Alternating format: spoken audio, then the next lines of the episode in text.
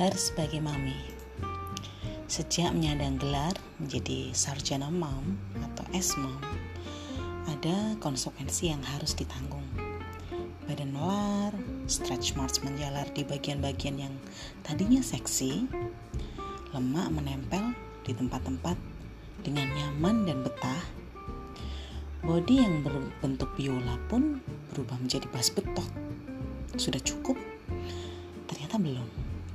Menjadi sarjana mom itu berarti harus waspada dan standby 24 jam. Saat enak tidur harus bangun. Bikin susu, antar pipis, atau tahu-tahu basah kena ompol.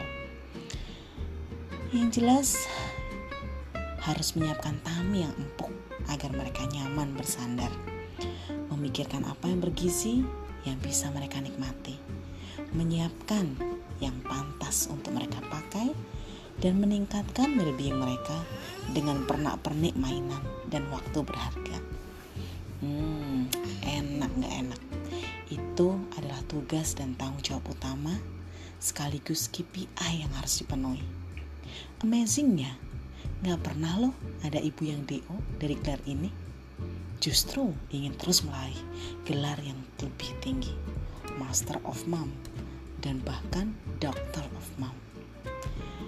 Dari semua hal yang pernah terjadi, ada beberapa hal yang mungkin membuat kita merasa bersyukur bahwa kita bangga menjadi seorang ibu. I'm proud to be mom.